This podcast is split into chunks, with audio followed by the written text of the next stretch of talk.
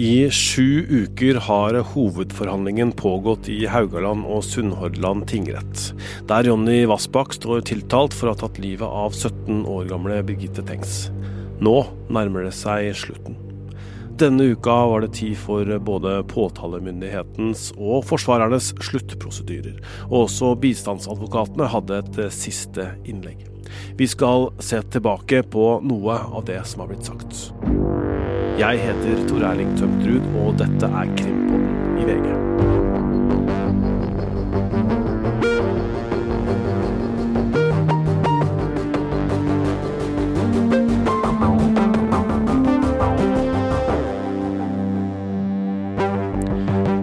På den ene sida av salen sitter Vassbakk og hans forsvarere.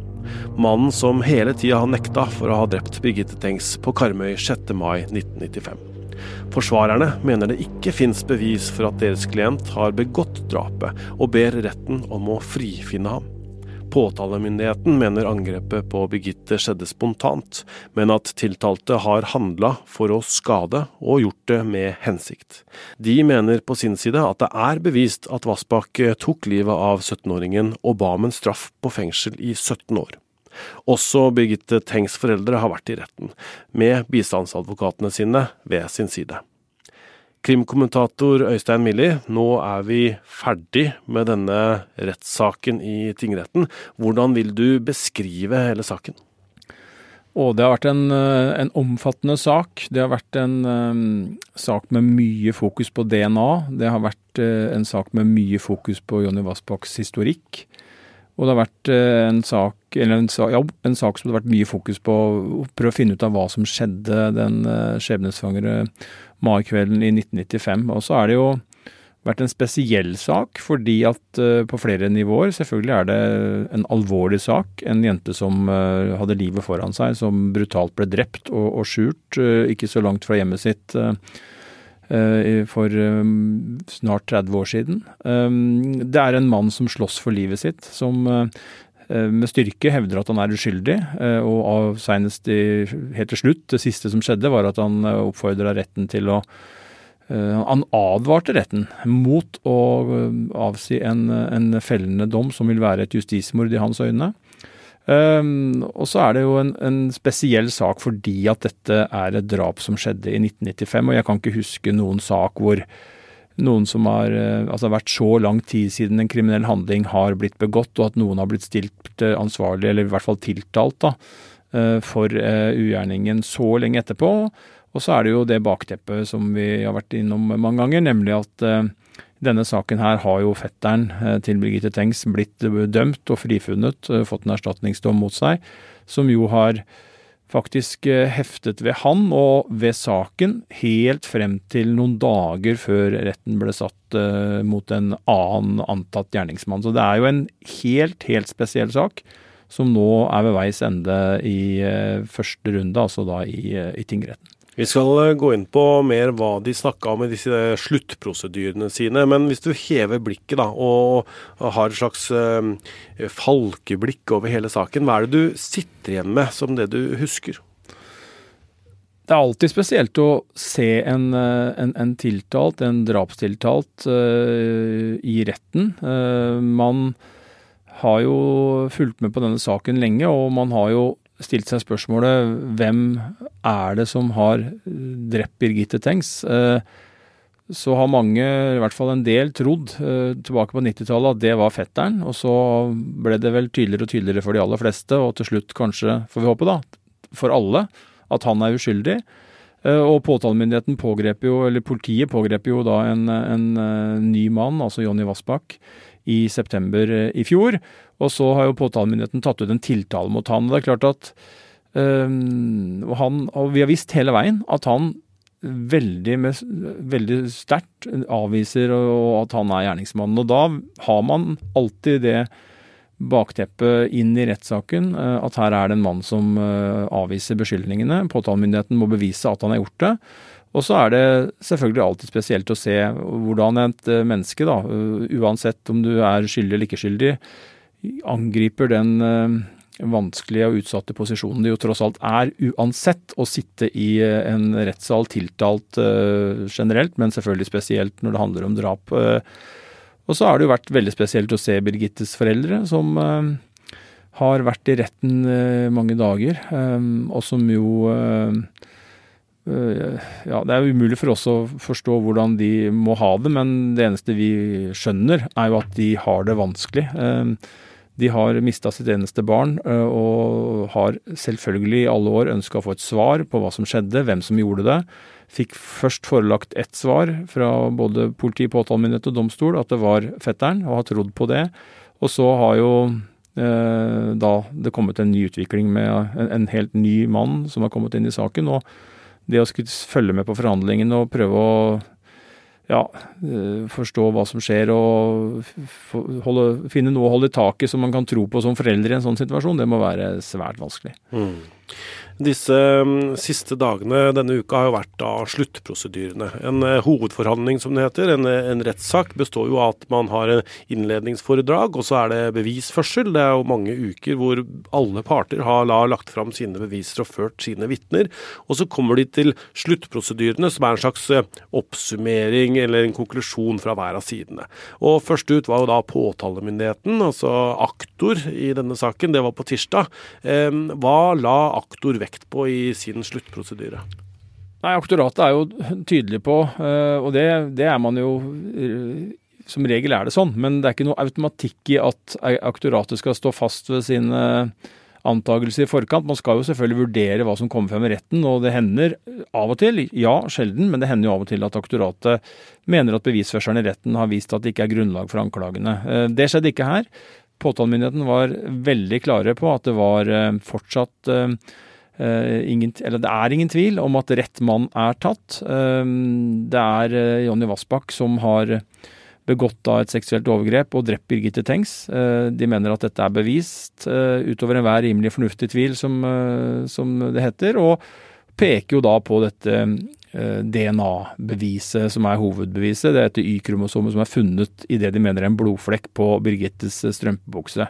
Og de mener jo at eh, man kan tolke sporene på strømpebuksa i retning av at Vassbakk eh, hadde blodtilsørte fingre, og at han, tak og, han tok tak og i fronten av strømpebuksa for å dra den ned, og at det var da dette Y-kromosomet ble avsatt.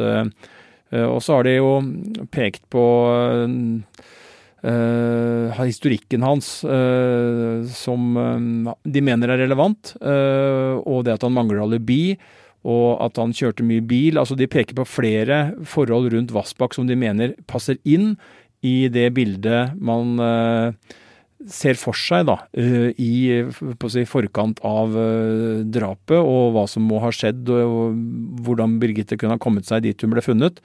Men det er jo, som vi har vært inne på før, Tor Erling, så er det jo så er det jo, og det har jeg sagt, og det står jeg ved, at jeg mener at det er nok Altså, det er en svakhet, og det ville helt sikkert påtalemyndigheten helst ha visst mer om. Nemlig bevegelsene til særlig Vassbakk mm. i forkant, for man vet ingenting om, om, hvor han er eller ikke er. Men man har også brakt på det rene at han har jo ikke noe alibi. Men, men man har ikke noen sikker informasjon om hva han gjør og hvor han befinner seg. Og så har man jo også huller i, i tidslinja hva gjelder Birgitte Tengs. fordi at hun er jo sett i Kopervik sentrum rundt midnatt. Og så vet man jo ikke hvordan hun tok seg derifra. Uh, man har denne observasjonen av en jente som står og lener seg mot en grønn bil. Både bilisten og jenta er etterlyst. Ingen av dem har meldt seg. Da kan man jo selvfølgelig tenke at når to personer i et lokalsamfunn ikke melder seg i en så profilert sak, uh, og hvor uh, ja, den saken er på alles lepper, så kan man jo tenke seg at det er fordi at jenta var offeret og bilisten var gjerningsmannen. Men dette har man jo ikke kommet til bunns i, og, det er klart at det Eh, det skulle man nok gjerne ha visst mer om, da, hva som eh, har skjedd på veien. Ja, Det er på en måte en ufullstendig historie, en historie med masse huller. Du har eh, Birgitte i Kopervik sentrum, og så er det på en måte et helt svart hull. Det er ingen som ser noen ting, før det dukker opp da et DNA i en blodflekk. Ja, man liker jo naturlig nok å på en måte bevise og dokumentere historier, tidslinjer hendelsesforløp, bygge bygge bevisene rundt det. Det har vi sett i mange saker. Bare, ja, et annet eksempel er Erik Jensen-saken, hvor man jo sammenholdt SMS-er med faktiske hendelser og på en måte bygde saken gjennom dokumenterte hendelser da, som gjør at man kan ha fastpunkter. Og det er jo spesielt viktig i en så sak som dette her, som ligger så langt tilbake i tid. Men det har man ikke klart, og det henger jo også sammen med at den tida hvor denne saken skjedde, så var det jo ikke elektroniske spor på samme måte som det er i dag. Um, men uh, og Vi ser jo fra andre saker, uh, Baneheia-saken som vi har snakka mye om det siste halvåret, uh, eller året for den saks skyld. Så når påtalemyndigheten gikk i retten med den, så hadde man jo en historie å, å tilby dommerne, som man mente da ble understøtta av bevis. Og så vet vi alle at de ikke holdt eh, overhodet at den saken har endt i et justismord. Men, men, men, det er jo ofte utgangspunktet for aktor. Da, at man har, en, man har, en, historie som kan understøttes av bevis, som gjør at man kan eh, være sikker på at jo, det var sånn det skjedde. Og her er man jo da i en litt annen situasjon, for her har man jo da Man prøver jo, og bare for å si det, man prøver jo å på en måte fortelle hva som har skjedd, akkurat som vi snakka om da, med strømpebuksa, hvordan det, de sporene der er, bør tolkes, sånn som påtalemyndigheten ser det. men men man, eh, men man, har ikke noen, man har ikke den historien som, eh, som eh, sikkert en dommer gjerne også skulle hatt. Man har dette DNA-treffet, eller DNA-materialet, som er på strømpebuksa. Og er, Da er det store spørsmålet hvordan det har havna der, og det er det det kommer til å koke ned til til slutt. Om retten og dommerne mener at det er alle andre forklaringer enn at det må handle om at det er såkalt gjerningsrelatert, er utelukket. Eh, eller om eh, motsatt, at man tenker at dette kan ha en annen forklaring. Så du har da den nye etterforskningen, ikke sant. Eh, cold case kommer inn i den saken her, og Stavanger-politiet etterforsker videre. Man har da en liste med aktuelle moduskandidater som allerede var aktuelle i 1995. Hvis man da ser bort ifra fetteren, så er det disse folka som kanskje står igjen da. Og så finner man etter nye undersøkelser dette DNA-et, som er en ufullstendig profil, men et Y-kromosom, et mannlig kromosom, mm. som da uh, kan tilhøre Vassbakk. Og så har det en mutasjon i seg som uh, da gjør at det er enda sikrere at det er han. kan man da tenke at Ok, da har man det, og så ser man bort ifra alle andre og bare kjører på for å etterforske han og, på en måte for å naile han. Altså det er jo helt opplagt at uh, det er interessant når man finner DNA-materiale fra en moduskandidat, og ikke noen hvilken som helst moduskandidat heller, nemlig han sto vel øverst på lista.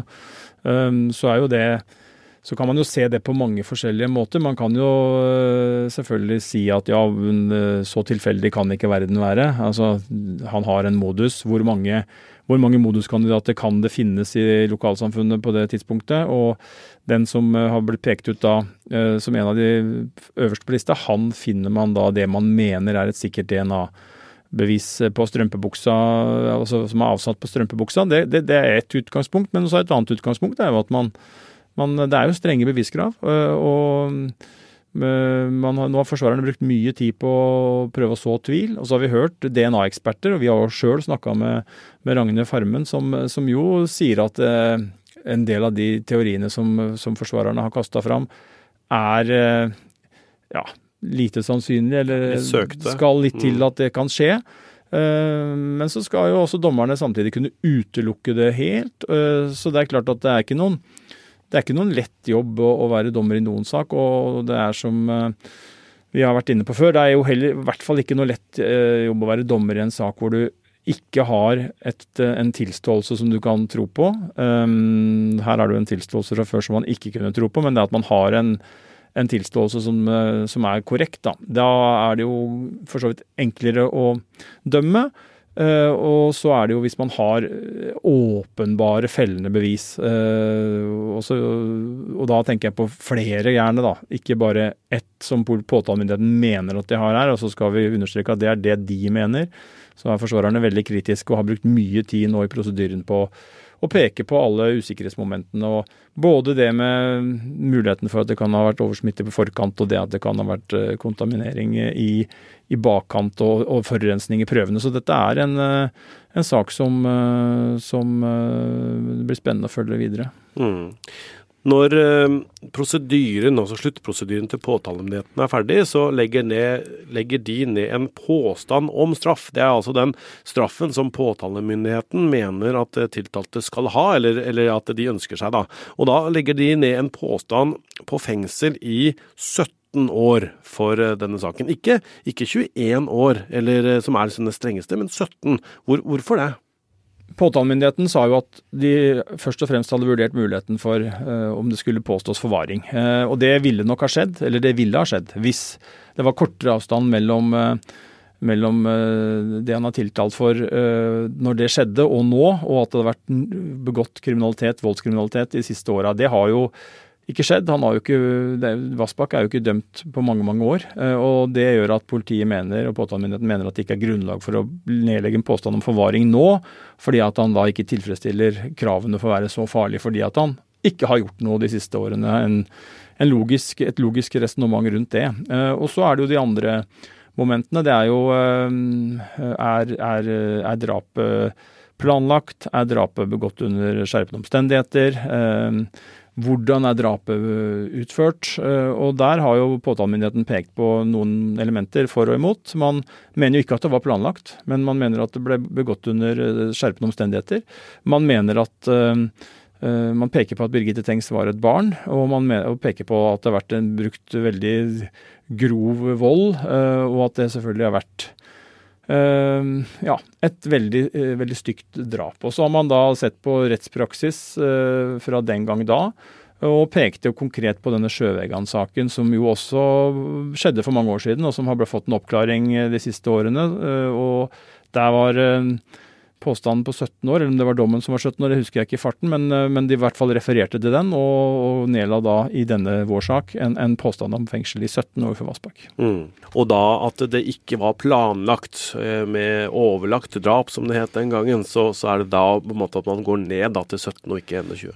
Ja, så kan man uh, vel helt sikkert også gå helt opp i enden av skalaen, uh, selv om det ikke er det også. Men, men det blir jo en totalvurdering, og, og det var 17 år som, som aktoratet landa på. Så er det viktig å si at det er jo, det er jo aktoratets forslag. Og så er det sånn at hvis retten nå skulle finne Vassbakk skyldig, så, så, vil jo de vurdere eh, hva slags straff som er riktig helt på egen hånd. Og, og forsvarerne, som jo nedla en påstand om at Vassbakk skal frifinnes, de de eh, hadde jo også en eh, subsidiær påstand, som det heter, da, som eh, dersom retten likevel skulle komme til at, at han blir dømt, at de er uenige med forsvarerne, så pekte de på noen momenter. Men de var vel for så vidt ikke veldig uenig i at aktoratet hadde truffet ganske godt med, med, en, med sitt straffeforslag dersom Vassbakk først skulle bli dømt. Mm. Onsdag var jo da uh, forsvarernes dag i, uh, i, tingretten, der de holdt sin sluttprosedyre. Uh, hva var hovedelementene da? Det er jo ofte sånn at forsvarerne peker på det med tvil. og advarte retten mot å avse en dom som, som, vil være feilaktig, og som ikke tar inn over seg det de mener er av tvil. Og da handler det igjen om dette med, med DNA. Det handler om at de de eh, peker da på elementer, momenter, som de mener eh, retten bør være oppmerksomme på. og Da handler det om dette med at DNA-materialet kan ha kommet dit på annet vis enn at, de, at Jonny Vassbakk har begått drapet. De peker på uh, muligheten for at det kan ha kommet dit i forkant, og man peker på de mulighetene for at det har kommet dit i, i etterkant. og uh, Det er jo å høre da prosedyrene, så vet vi at det har vært DNA-eksperter inne i retten, og det som jo er det som jo er verdt å merke seg, at, og det, det, er jo ikke noe nytt, men, men, det er jo interessant hver gang det skjer. Man, man, eh, man tar jo tak i de momentene da, eh, som man mener eh, taler sin sak.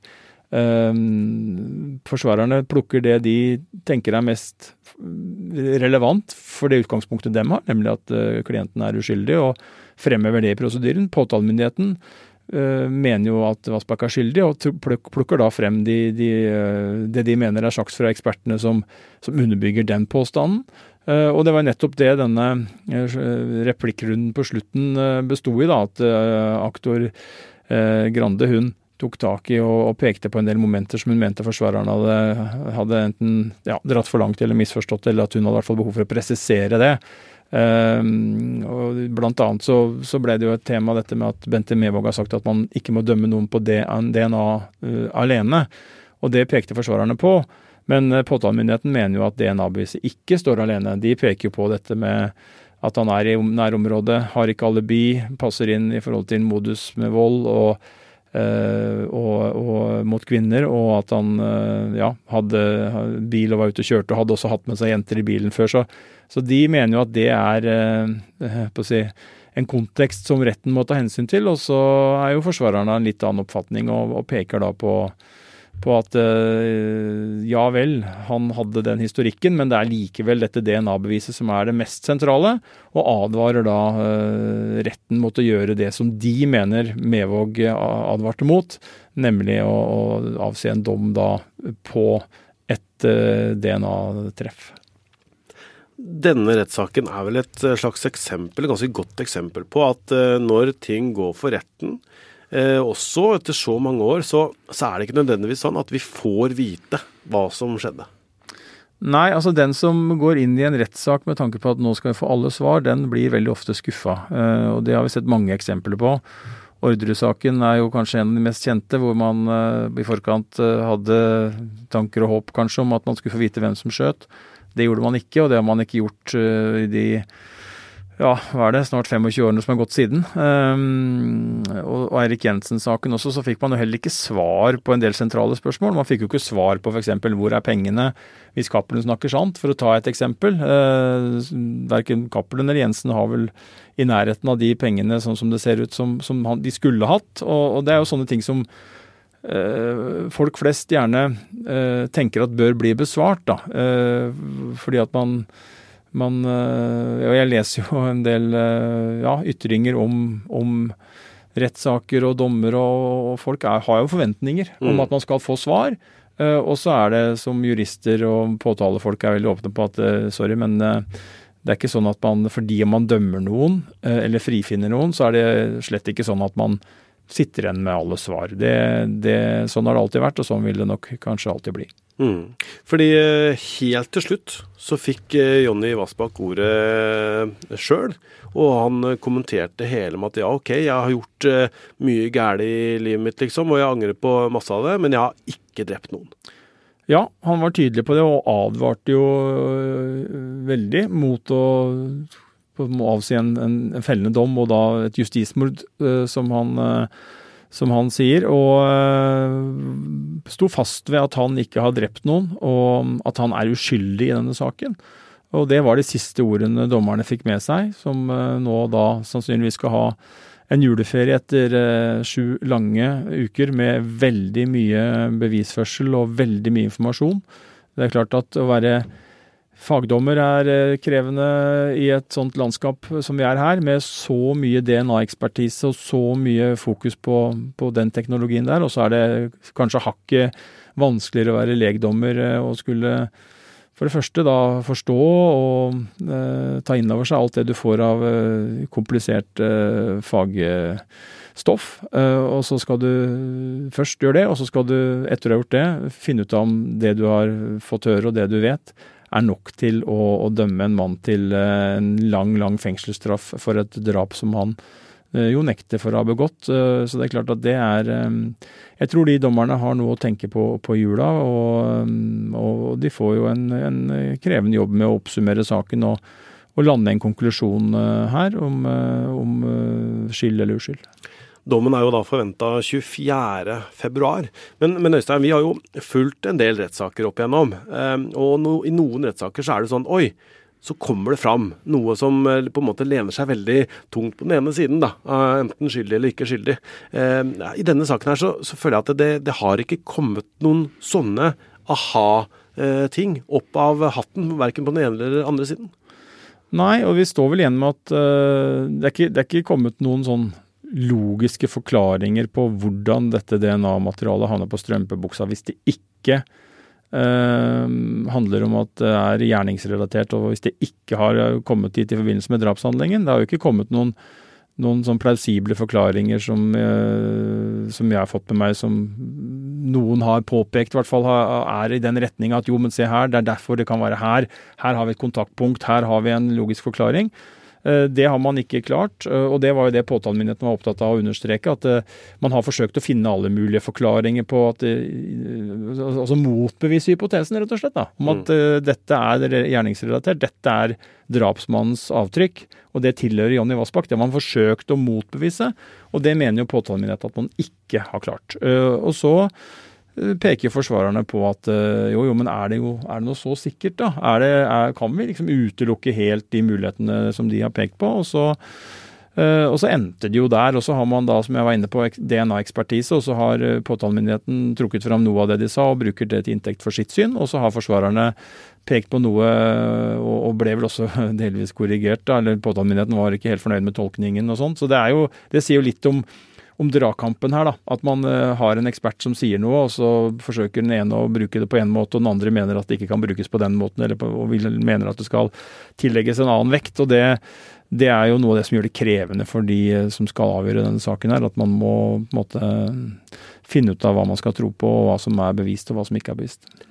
Jeg skal ikke si at vi ikke kommer til å tenke på denne saken her eh, nå som vi skal inn i jula, men vi skal prøve å ta en eh, pause. Og vi kommer jo tilbake til denne saken når dommen eh, foreligger. For dette dette var eh, den aller siste vanlige episoden fra oss eh, dette året. Tusen takk til alle som lytter på oss, og som gir oss tilbakemelding, både ris og ros. Dere veit jo at dere kan nå oss på Instagram eller Facebook eller på krimpodden at vg.no. Vi setter kjempestor pris på alle tilbakemeldinger, ikke sant Øystein? Det gjør vi, og vi leser alt, og vi prøver å svare på alt. Og så håper vi jo at vi skal klare å komme tilbake med interessante episoder og belyse nye og sikkert noen gamle saker i, i det nye året. Det er mye som skjer på, på krimfeltet, så vi eh, kommer sterkt tilbake etter en, eh, en, juleferie, og så får andre vurdere om den er fortjent eller ikke. vi har allerede begynt å jobbe med noen saker, da, og vi har jo vært på noen reiser allerede, Stein? Å ja da. Vi har, vært, eh, vi har vært både her og der, tenker jeg jeg nøyer meg med å si. Ja. Og det skal vi gyve løs på når vi har spist juleribbe og litt pinnekjøtt og um, ja, tatt en liten pause, og så er vi, er vi tilbake.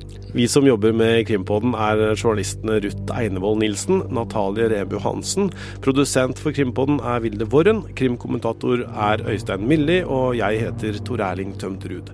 Nyhetssjefen vår er Emilie Halltorp. Vi ønsker dere alle en god jul og et godt 2023.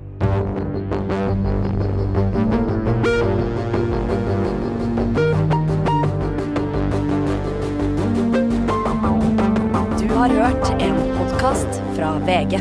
Ansvarlig redaktør, Gard Steiro.